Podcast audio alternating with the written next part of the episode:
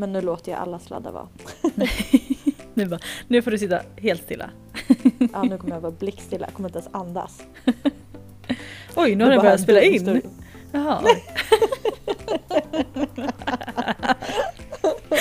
Take two.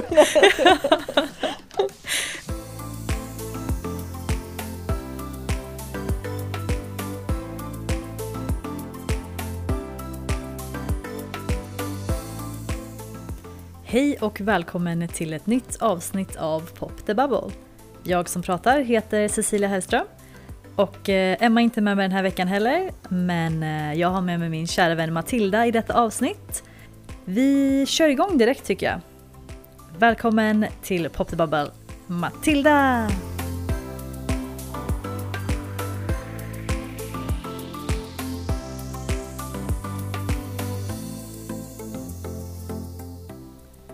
Så mycket. Kul att ha dig med. Hur är läget med dig? Det är bra med mig. Har varit en vecka med full fart. Hur är läget med dig? Jo men det är bra. Det har varit en ganska lugn helg men eh, ja, nej men det är bra. Um, ja. Du eh, har fullt upp med plugg och jobb och allting nu va? Ja, exakt. Så jag började ett nytt jobb i måndags samtidigt som jag började plugga upp lite kurser på komvux. Så det är full fart. Ja, verkligen.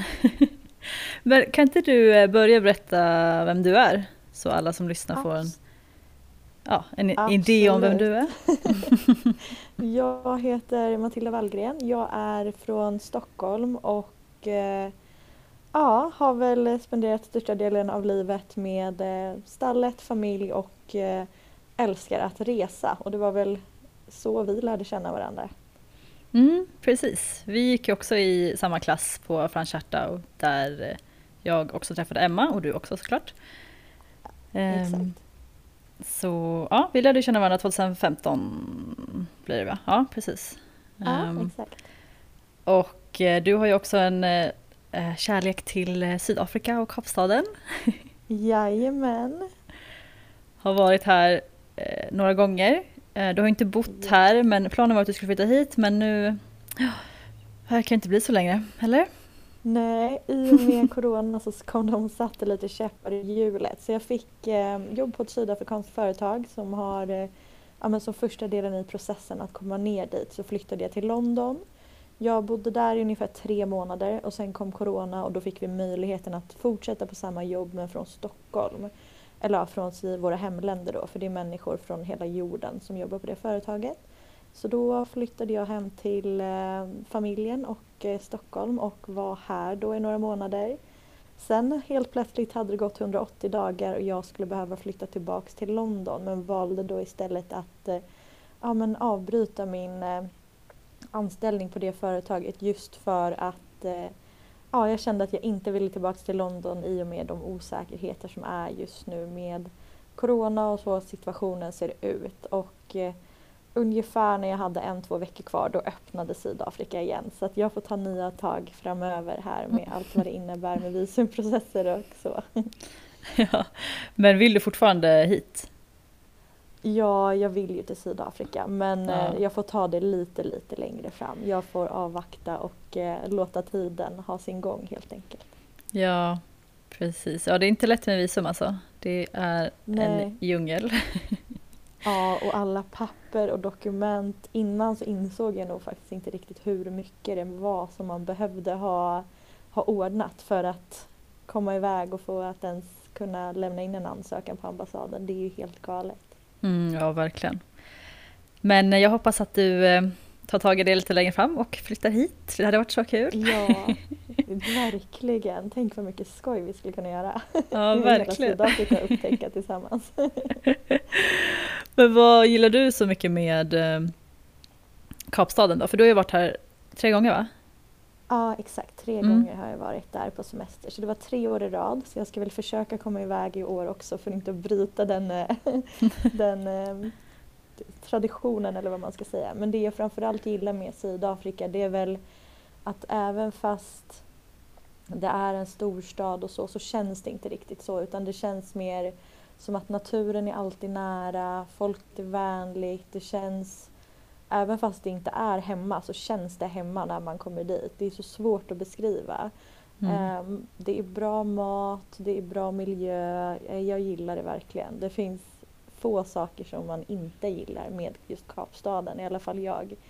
Eh, närheten till allt, närheten till eh, havet, bergen, till vingårdarna, till...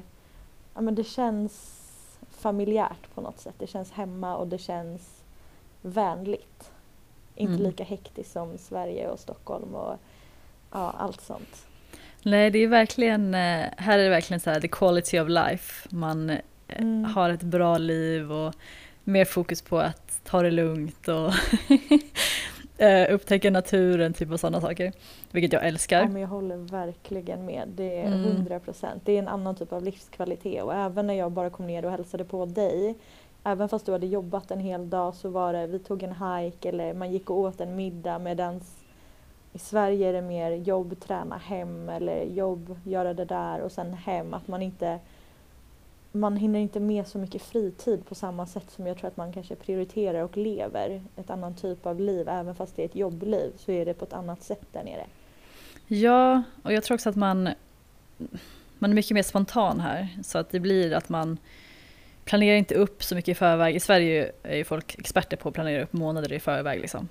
Eh, Så här blir det mer att man bara, ah, men vad ska vi ta en drink efter jobbet eller göra det här? Att det blir mer spontant att man, ja, men, att man gör det. Och sen är det ju nästan, alltså det är ju vinter och så men det känns ju nästan som att det är sommar året om. Så att det blir ju ja, men lättare att hitta på saker också.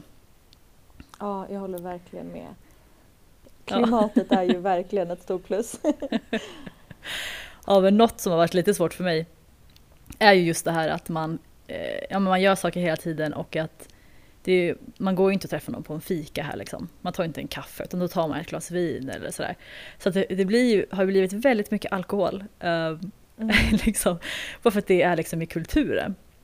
Så ja men eh, det tog nog, det tog väldigt lång tid innan jag kom in i en vardag här ändå. För det var ju så himla Ja men det var ju saker som hände hela tiden men nu känns det i alla fall mer som att jag har kommit in i en vardag. Eh, men inte så, kanske så som vardagen i Sverige skulle se ut liksom. Men eh, ja, Nej. nej, jag älskar det. Nej, här möts man ju gärna på en kaffe. Tidigare idag var jag och träffade en kompis och vi tog en brunch. Eh, det blir väl kanske inte riktigt lika mycket sånt där nere för där, alltså i just Kapstaden finns det ju så himla mycket annat att göra. Mm. I Sverige åker man ju inte ut till en vingård en söndag utan ja, men här kanske det blir en brunch eller en promenad eller man tar en kaffe och en lunch. Eller, här är det ju mer fikakultur på ett helt annat sätt. Mm, verkligen. Eh, ja, men eh, hoppas du tar dig hit då. Du sa innan det här året är slut. Det är jag imponerad om du, om du får till. Ja, jag hoppas ju att det går. Ja, kanske inte flytta ner men jag hoppas verkligen på, att jag kanske kan komma ner i december. Mm. När, eh, om jag kan få lite ledigt från jobbet, om det går att komma ner då eller så. Det vore verkligen drömmen. Få Mm. lite sol och lite nice energier. Och, ja. Det hoppas vi på. Sommaren är på G här nu. Eh, Det börjar bli varmare och varmare. Så, eh, och det blir kallare och kallare i Sverige. Ja, alltså, det är ju ett skämt. Nu börjar det bli riktigt kallt. Ehm, ja, det är stickade tröjor, det är jackor, det är halsdukar mössor och handskar som är på väg fram nu. Nu är vintern på gång. Mm. Härligt. Visst blir du sugen på att komma hit? Väldigt sugen. Ja, jag förstår det. Jag ska förhoppningsvis åka till Sverige i januari. Förhoppningsvis, Ja, om allt går som det ska, Ah, på min brors dotters dop. Åh, vad mysigt. Så jag hoppas Då att det, hoppas jag jag att får jag till det. förbi mig. Ja. Eh, ja, men du skulle ju varit med på den här podden eh, egentligen från början. Ja, det var ju tanken. Eh, så vi var väl vi tre som var med och planerade det alltihop lite. Och eh, sen fick jag inse mina begränsningar, att jag inte riktigt hade all den tid det faktiskt tar att lägga på det här. Att jag inte ku- kunde gå in helhjärtat på att vara med på varje avsnitt. Mm. Så då fick jag tyvärr hoppa av det. Men jag är glad att jag kunde vara med och gästpodda lite idag. Ja, precis. Det var ju perfekt att ta in dig som gäst. Du som Ja. ändå hade tanken att vara med från början. Ja men verkligen, det är en ära att få vara med nu. Vad kul!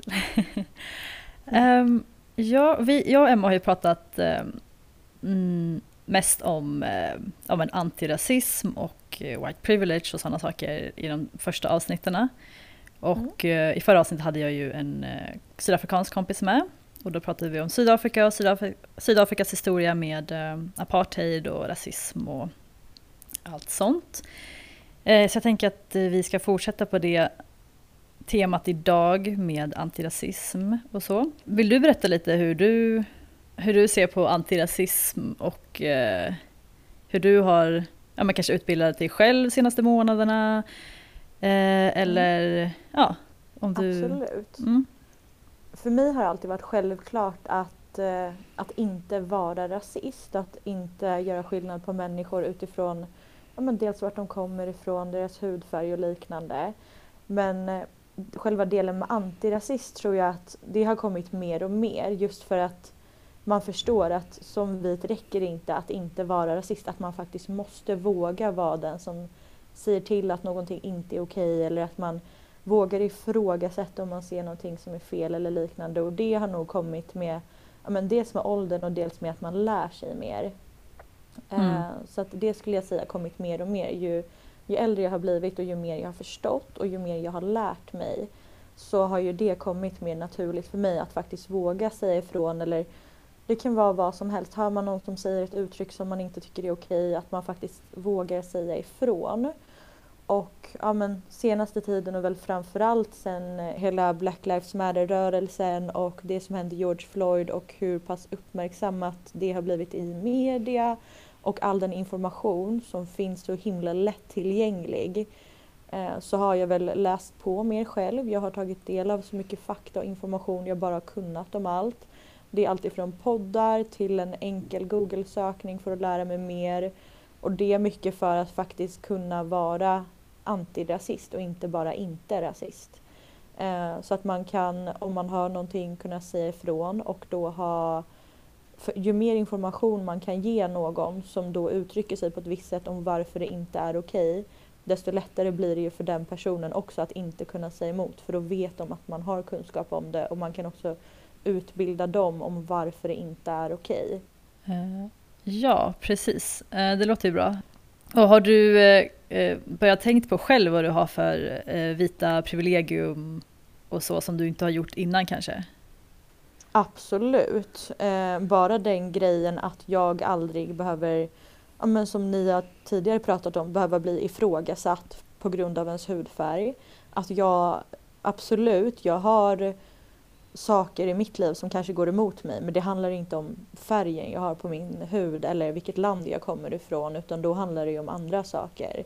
Eh, det kan handla om att, ja men helt andra saker. Jag blir aldrig ifrågasatt för min hudfärg.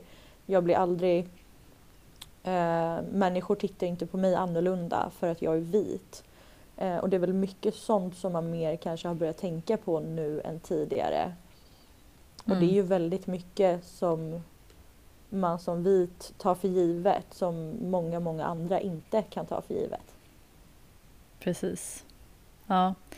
Nej, det är väldigt viktigt att, som vit att man eh, inser det och att man pratar om det um, mm. mer och mer för att det ska kunna bli någon, någon uh, skillnad. Och många lever ju fortfarande i förnekelse att det inte finns rasism eller att det inte finns white privilege och så. Mm. Ja. Det är viktigt att prata om.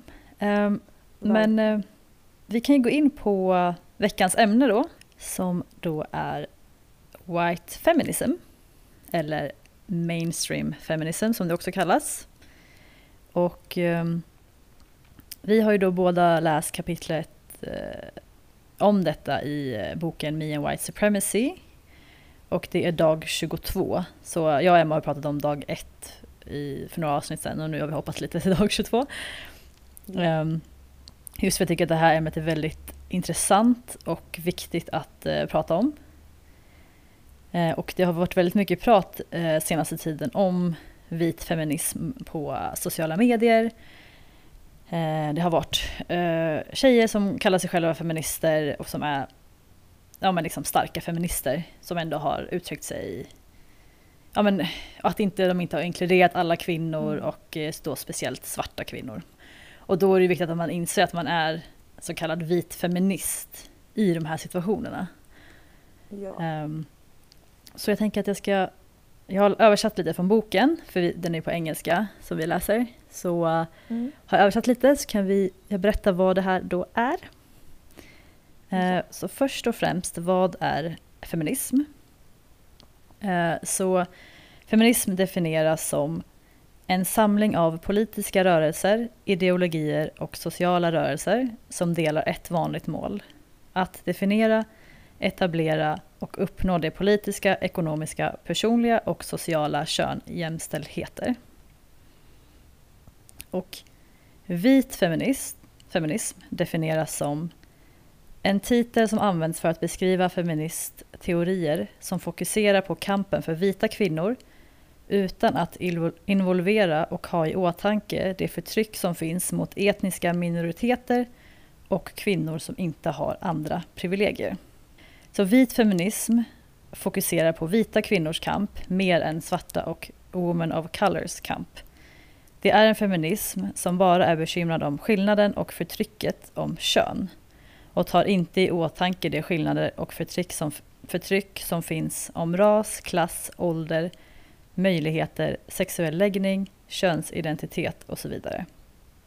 Vit feminism ber ofta svarta och people of color att sätta ras och rasismfrågor åt sidan och istället fokusera på kön och sexism först.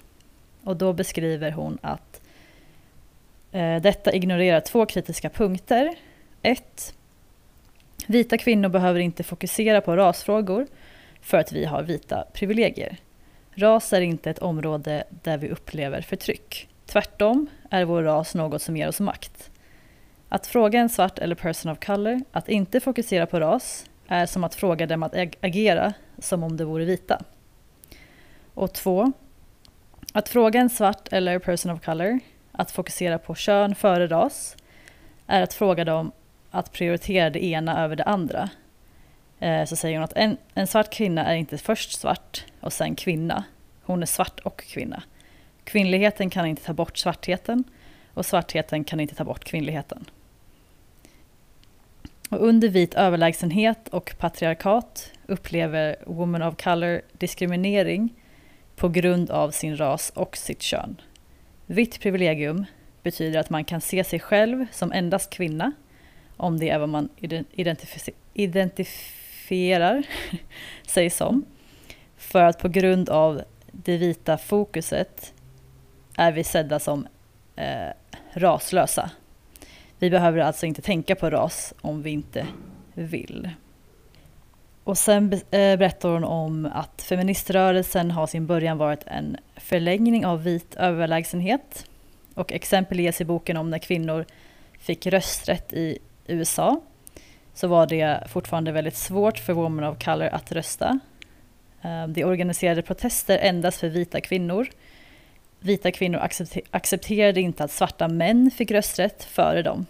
Och en eh, känd eh, person inom feministen, som kallas för feminismens mamma, Susan B. Anthony, sa då på den tiden jag skär, skär hellre av med den här högra armen innan jag kommer att be om rösträtt för en, en ordet och inte för kvinnan. Mm. Det är helt sjukt. Mm. Så detta har förminskat svarta och women of color och en förväntan har gjorts av dem att sätta sig in i den så kallade universella feminismen som egentligen är vitfokuserad. Så det hon säger här är ju att sen feministens början, ja men det här i det här fallet är ju USA, så har den ju varit Mm. fokuserad på just vita kvinnor. Och det har väl levt kvar just för att det har varit fokuserat på vit överlägsenhet hela tiden. Och att vita kvinnor ska få samma rättigheter som vita män utan att ha i åtanke om svarta eller person of color. Så säger hon också eh, precis så som vit överlägsenhet fortsätter att leva kvar idag trots att svarta och people of color har civila rättigheter fortsätter mainstream feminism att exkludera och förminska svarta och women of color. Och trots att vita kvinnor upplever diskriminering och förtryck under patriarkatet så diskriminerar och förtrycker vita kvinnor, svarta och women of color på grund av den vita överlägsenheten. Och många kvinnor som ser sig själva som feminister men som inte är involverade i antirasistiskt arbete sätter sig ofta i försvarsposition när det blir kallade vita feminister. Och så ger hon några exempel på vit feminism. Och det är Vita feminister pratar om löneskillnader på kvinnor och män utan att prata om skillnaden på lön mellan kvinnor och svarta och women of color.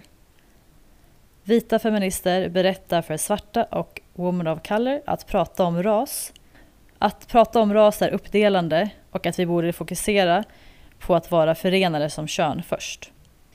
Vita feministers spiralitet, kulturell approprierar och whitewashes svarta och people of colors spiritualitet. Och där har jag skrivit inom parentes eh, att mycket kommer från, från deras kultur och som vi då som vita har tagit och gjort det till vårt egna utan att ge något tillbaka. Eh, och sen tycker vi i västvärlden att deras kultur eller spiritualitet etc. är konstig eller inte passar in. Men det är därifrån den har kommit från början. Och det är det som menas med whitewashes, att vi har bara tagit det och gjort det till vårt egna utan att ge någonting tillbaka. Liksom. Mm. Att vi har snott det helt enkelt. Ja. Eh, och så säger hon att vita feminister stödjer protester för kvinnliga marscher men inte alls i samma mån för svarta kvinnor för Black Lives Matter-protester. Eh, vit feminism, ig feminism ignorerar i stor utsträckning eller är omedveten om de hälsorisker svarta kvinnor har vid mödrahälsa för att det inte påverkar vita kvinnor. Och då har jag också skrivit inom parentes här att till exempel i Sverige så finns det berättelser om att svarta kvinnor blir sämre behandlade på BB, att de inte får samma bedövning eller smärtstillande som vita kvinnor då det finns en tro om att svarta har högre smärtgräns än vita, vilket såklart inte stämmer. Och detta har levt kvar sedan, eh, sedan länge då det gjorde tester på svarta kvinnor, bland annat i eh, utan bedövning just för att man trodde att det inte kunde känna smärta. Lovette Jallow, som eh, vi har pratat om tidigare, som bedriver Action for Humanity, har bra eh, information om detta. Hon har bland annat, bland annat en video där hon pratar om Marion Sims, som är den så kallade moderna gynekologins fader. Och hon pratar då hur hans tester gick till på svarta kvinnor utan bedövning. Vit feminism sätter kvinnliga ledare i fokus och sviker svarta och woman of color-ledare. Ehm, vit feminism ignorerar och exkluderar det jobb som svarta kvinnliga ledare har gjort. Så som Angela Davis, som eh, känd aktivist och feminist. Och även Tarana Burke, som inte står i boken som jag skrev ner, eh, som startade metoo-rörelsen, eh, är också en svart amerikansk kvinna. Och sen eh, vita feminister tycker inte att muslimska feminister som väljer att bära slöja är riktiga feminister. Och jag har också skrivit här inom parentes att jag, det är något jag tycker att eh, man har fått höra ofta i Sverige innan. Att eh, stackars kvinnor som bär slöja, vilket förtryck och så vidare. och så vidare. Utan att kunna acceptera och förstå att det är inte tvång för alla utan det kan också vara ett val att bära slöja. Ja, för många är ju det deras eget val för att det är en del i den tro som de har.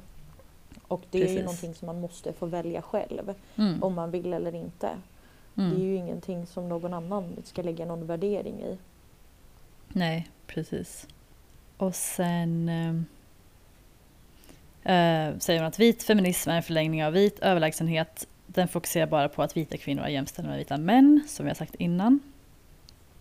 Och sen då Motgiftet mot vit feminism-giftet, som hon kallar det, är, och förlängningen av vit överlägsenhet är intersektionalitet. Detta är en term som Dr. Kimberly Crenshaw, en juridikprofessor och civila rättigheter-aktivist skapade. Och det är ett ramverk som hjälper oss att upptäcka dynamiken mellan samexisterande identiteter och sammanhängande system av förtryck Speciellt då det relaterar till kön och ras och upplevelsen för svarta kvinnor. Intersektionalitet ger oss ett sätt att praktisera feminism som är antirasistisk. Och det är något som bara kan nås med konstant arbete med antirasism. Och sen ehm, um, googlade jag också vad exakt definitionen av intersex... jag kan inte säga det här. Jag kan säga det på engelska. Intersektionalitet. Sektionalitet. Intersektionalitet. uh, intersektionalitet är ett analytiskt perspektiv som vill uppmärksamma hur relationer av överordning och underordning skapas och upprätthålls i samspel mellan bland annat ras, etnicitet, kön, genus, funktionsvarianter, klass, ålder, sexualitet och religion. Så det var det som hon eh, förklarade då om just white feminism som eh, jag tycker är väldigt intressant att man eh, verkligen måste fokusera på allt inom feminismen. Man kan inte bara fokusera på de som ser ut som en själv för då är det inte feminist, då är det white feminism. Exakt, då utgår man ju enbart från sina egna bekymmer och problem eh, som vit då i vårt fall. Mm. Precis. Eh, och sen då är det några frågor i slutet mm. som... Eh, har du skrivit någonting på dem? Ja, jag har skrivit mm. på dem. Ehm, eh, första var ju jag ska bara kika här vad den första var. I vilken utsträckning ja. har din idé om feminism endast handlat om könsfrågor? Och jag skulle säga att väldigt mycket till en början. Eh, och ju mer man läser om det, ju mer förstår man ju problematiken kring det hela. Så för min egen del så har jag väl främst fokuserat på ja, men, feminismen som feminism eller vad man ska säga och då ur ett väldigt vitt perspektiv. Så vit feminism är ju det som har varit mitt huvudfokus innan jag, ja men framförallt innan jag läste hela den här, det här kapitlet och de här frågeställningarna och frågorna har ju verkligen öppnat upp ögonen för mig och hur mycket man faktiskt har kvar att lära. Mm, precis. Jag, jag har inte varit så insatt heller som jag borde om feminism överhuvudtaget. Jag har kallat mig själv för feminist och jag har alltid sagt att det handlar om jämställdhet för alla. Men sen har jag liksom inte varit så insatt eh, som jag känner att jag borde ha varit. Och eh, jag har inte varit lika insatt i antirasism heller. Eh, vilket gör att jag inte har varit uppmärksammad på de här frågorna. Och sen har jag väl inte sett heller då, alltså haft det här synsättet att ras är en del av feminismen just för att jag har varit så inne i min vita feminism, så som du säger också. Mm. Och, eh, och jag tycker när jag växte upp i Sverige, har, när folk har pratat om feminism så har det varit väldigt mycket prat om jämställdhet mellan, mellan just eh, kvinnor och män. Mm. Och jag tycker inte att det har varit så mycket fokus just på jämställdhet mellan svarta kvinnor och vita kvinnor till exempel. Um. Nej, och jag, har, alltså, jag känner exakt som dig där. Att det har inte varit så mycket fokus på det alls som det faktiskt borde ha varit. Mm. Nej, precis. Uh, och det är väl det är för att man har varit inne i den här vita feminismen.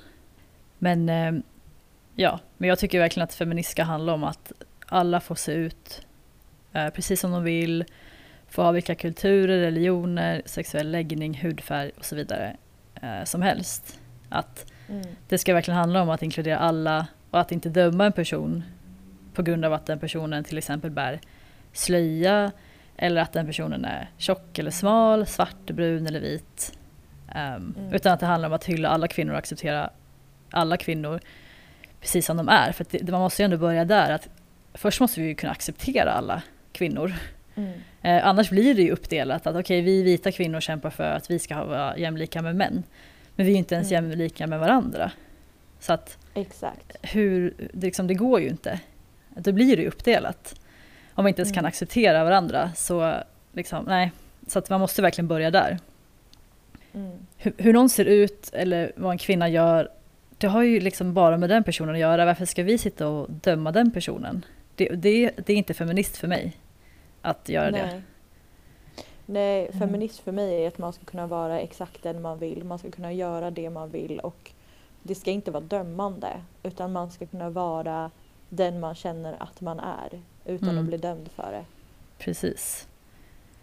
Och ett problem är ju också att alltså att många på sociala medier följer bara de som ser ut som sig själv. Att man följer de som mm. har samma hudfärg, klass och kön. Och då får man ju bara ett perspektiv. Och mm. man missar ju liksom the bigger picture. Så jag tror att det är viktigt att man tänker på Ja men det är också så här vilka kompisar man har, vilka kretsar och så för att annars kommer man ju alltid bara ha en en sida av det. Liksom, om man inte ja, får the bigger picture. Liksom. Exakt, ja för ser man ingenting annat då hamnar man ju i sin egna lilla bubbla. Mm. Vare sig man vill eller inte. Då måste man ju mer aktivt välja att ta sig ur den. Precis. Och sen eh, fråga nummer två då är hur har din feminism försummat eller förminskat problemen för svarta och people of color? Ja, i och med att jag inte ens hade tänkt på det innan så är det väl det bara ett stort tecken på att det har försummat och inte hjälpt dem alls så att Mm. säga.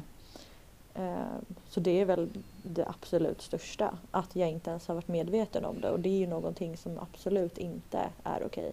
Mm.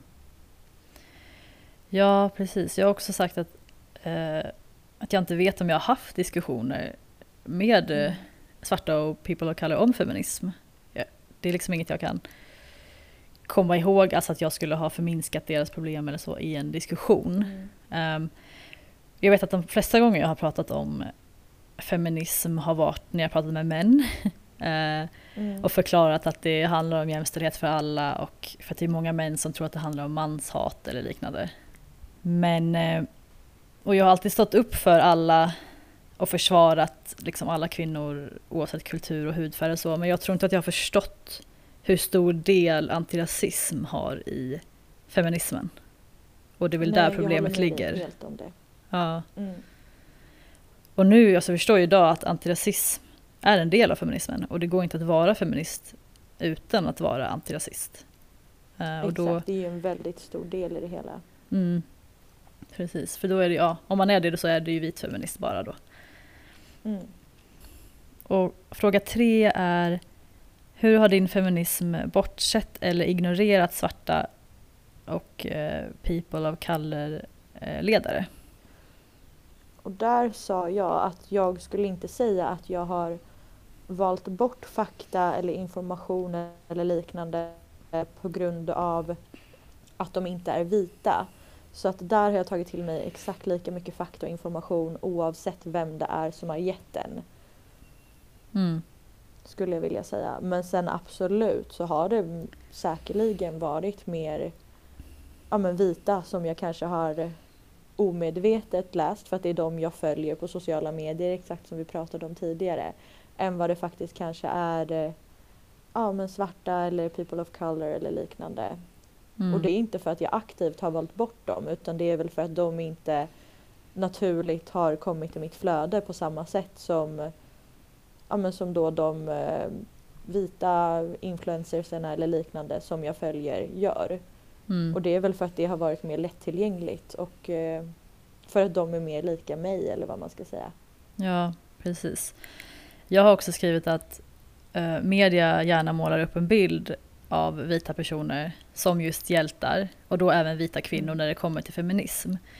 Och att eh, svarta och women of color som gör ett fantastiskt jobb inte blir uppmärksammade på samma sätt. Eh, så jag tror också att det har väldigt mycket med media att göra.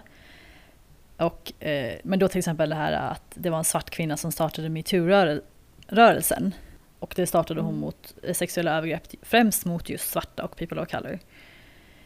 Och ja, det är ingen som har direkt pratat om det. Eh, som jag har sett i mina kanaler. Eh, och det känns som att vi vita Mm. kanske har tagit den och gjort den till vår egna rörelse. Eh, utan att kanske Mm. involvera svarta och people of color med just de här rasfrågorna. Så som vi borde ha gjort. För att vilka är mest utsatta? Jo, det är svarta och people of color. Um, och det som man såg i tidningarna och på sociala medier var ju främst vita personer som berättade om sina upplevelser. Och det var det som blev uppmärksammat. Så det är ja, precis, man är ju så, det är media, det är liksom hela samhället. Så man måste ju Exakt. bara bli mer uppmärksammad själv och ja, men läsa på och liksom, ja, lyssna. Ja, jag på- tror man själv måste bli duktigare på att leta information och ta till sig information från olika håll. Och Mm. inte bara där det kommer automatiskt och naturligt och media målar ju upp en bild men det är ju bra att kunna hitta info och så själva också och få Mm. olika typer av, av information från olika människor och kunna ta till sig olika olika fakta från alla olika håll och inte bara där det kommer enkelt för en själv. Att man Mm. blir duktigare på att själv leta och ta del av. Precis. Det är ju inte svårt. Nej, precis. Och alltså svarta och Woman of Color har ju kämpat enormt mycket genom åren och gett oss vita ett försprång.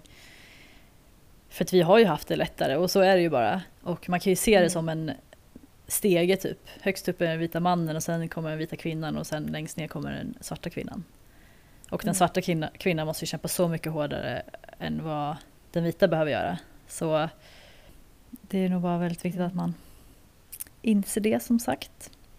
Verkligen. Så länge man är medveten då kan man ju också göra skillnad och faktiskt bidra till en positiv förändring i frågan. Mm, precis. Och sen eh, fråga fyra är, hur har din feminism varit fokuserad på vita? Den har vi väl kanske svarat på lite, eller?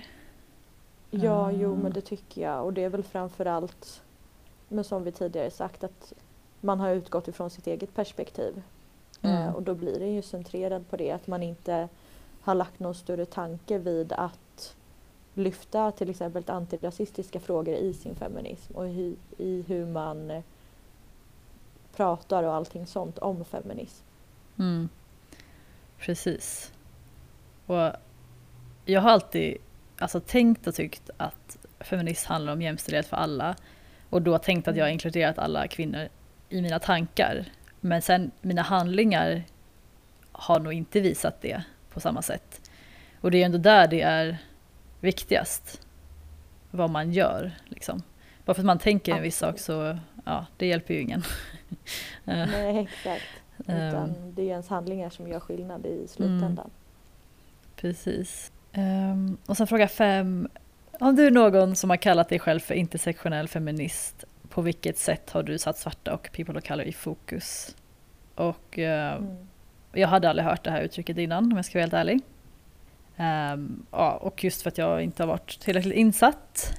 Så, eh, Jag känner samma och Mm. eh, i och med att man har lärt sig mer nu då kan man ju faktiskt göra skillnad. Så det är ju aldrig för sent för att faktiskt ändra på hur man tänker eller hur man har varit. Och det är ju, ju mer kunskap du har ju mer kan du ju faktiskt påverka och ändra.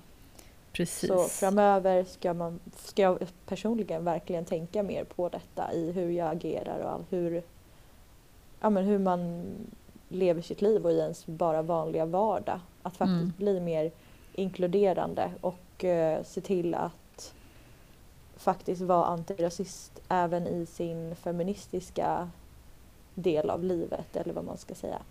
Mm, ja, precis, i allt man gör. Och Mm. eh, precis, ja men det handlar ju om att, men att jobba med sig själv och just det här när man är vit, eh, som du sa, att eh, man kan ju lära sig hela tiden och det är aldrig för sent. Och det är det något som är Mm. viktigt att komma ihåg, just att eh, vi som vita har ju privilegiet att lära oss om det här för det första. Eh, Men Mm. sen att vi som vita kommer också göra fel. Och det är bara att acceptera det. För att det är så inristat i samhället, den här vita överlägsenheten, eh, så att som vit så kommer man garanterat säga någonting som är rasistiskt eller göra någonting som är rasistiskt utan att man tänker på det. För att det är så inristat, men då får man bara så här, okej, nu gjorde jag fel, okej, nu går jag vidare. Och inte, försöka, alltså Mm. inte ta det personligt och inte ja, men sätta sig själv som något offer eller du vet. Eh, för det handlar ju inte om, liksom, om att jag, oj nu blir jag kallad rasist, nu ska jag nu blir jag jätteledsen eller vad det nu kan vara. För det handlar ju inte om mig. Alltså den som utsätts för ju så, den har ju liksom, ja men så mycket värre. Um, så att jag tror bara att det är väldigt viktigt att man kommer ihåg det att det är ja, men, en ständig kamp och att eh, ja, som vit kommer man göra fel och det är okej. Det är bara Mm. fortsätta Så länge, igen och igen. Man, så länge man lär sig något av det, så länge man lär sig av det man har gjort fel och inte gör om det gång på gång. Nej precis. Då, så länge man försöker att göra det bästa och verkligen ta till sig all information och är det någon som då uppfattar någonting man har gjort som någonting negativt eller att de då säger till att det här var inte okej, att man då lär sig av det istället för att ta det personligt som du säger så är Mm. man ju i alla fall på rätt väg. Precis. För även om man kallar sig själv antirasist och jobbar varje dag på var det så det är inte en fråga om om, det är snarare en fråga om när man kommer göra något fel som vit. Och det, Ja. men som sagt, bara man lär, lär sig av det och fortsätter så är det det som är det viktiga. Så, och det är väl också en grej med att vita ska våga prata om ja, med rasism och sådana här frågor. Och många tycker att det är svårt just för att de är rädda för att säga fel. Och det är väl där man bara Mm. måste vara okej med, okej det är okej om jag säger fel. Men jag gör mitt bästa liksom för att, för att jobba med de här frågorna. Exakt. Har du något mer du vill säga om eh, feminism eller vit feminism?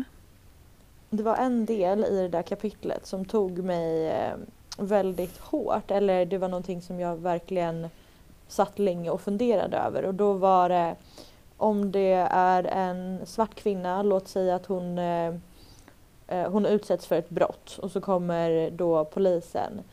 Då kan de ibland ha problem att utreda om det var ett brott på grund av att hon var svart eller ett brott som skedde på grund av att hon var kvinna. Mm. Och att det då är lätt att det faller mellan stolarna. Och när de sa det då vart jag, men jag vart väldigt illa berörd av det. För att det borde inte vara en, ens vara en fråga, nu är det det.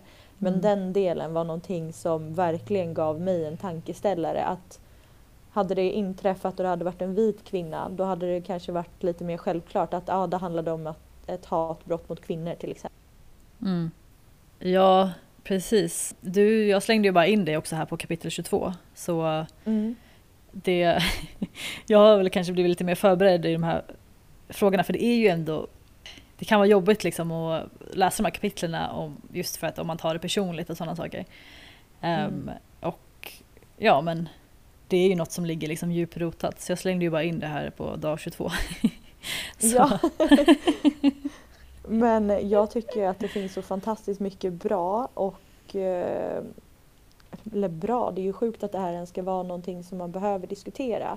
Men det finns verkligen mycket bra litteratur och mycket bra information som man kan ta till sig av för att faktiskt utbilda sig inom det här. Så att man, ja, men i sin väg att bli antirasist så finns det så extremt mycket kunskap som man kan ta del av.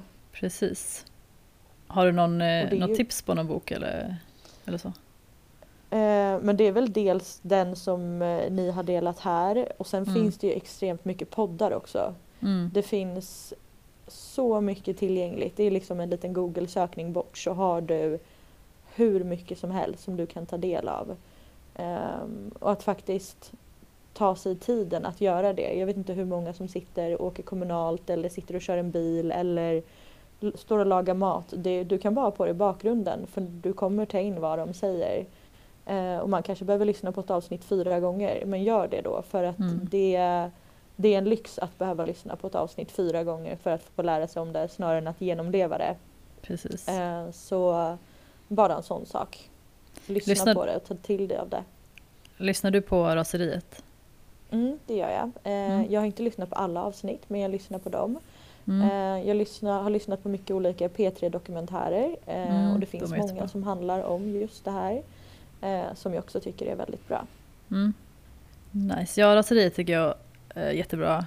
De har ju hållit på i fem år så att jag har ju upptäckt Mm. dem ganska nyligen. Så jag är också rätt Mm. ny. Men jag tycker de är grymma. Och sen som sagt Action for Humanity på Instagram. Jovette Jallow har jättebra information och hon har ju också jättebra Mm. information om just det här med white eh, feminism på sin story Mm. bland annat. Ehm, så checka in det. Ja, men jag har nog inget mer att säga om det här. Bara respektera alla människor. Man behöver inte gilla alla, men man kan respektera och eh, respektera alla människor. Liksom. Ehm, Verkligen. då hade världen varit en bättre plats om det skulle vara möjligt. Verkligen. Jag håller helt med. 100 procent. Respektera alla och behandla andra som att de skulle vara någon, ja, men någon som du känner. Även fast du inte känner personen så behandla den som att det skulle vara din granne eller någon som du har nära dig. Mm. För att världen behöver vara lite snällare mot alla. Mm. Precis. Verkligen. Jag har nog inget mer att eh, säga då. Vill du säga något mer? Nej, jag tror att jag har, eh, ja, men har fått dela mina åsikter och tusen tack för att jag fick eh, vara med idag. Ja, det var jättekul att ha dig med. Tack så mycket för att du ville vara med som gäst Tack. och eh, diskutera det här ämnet för mig. Tack så mycket för att ni har lyssnat och eh, ha en fin dag. Hej då! Hej då!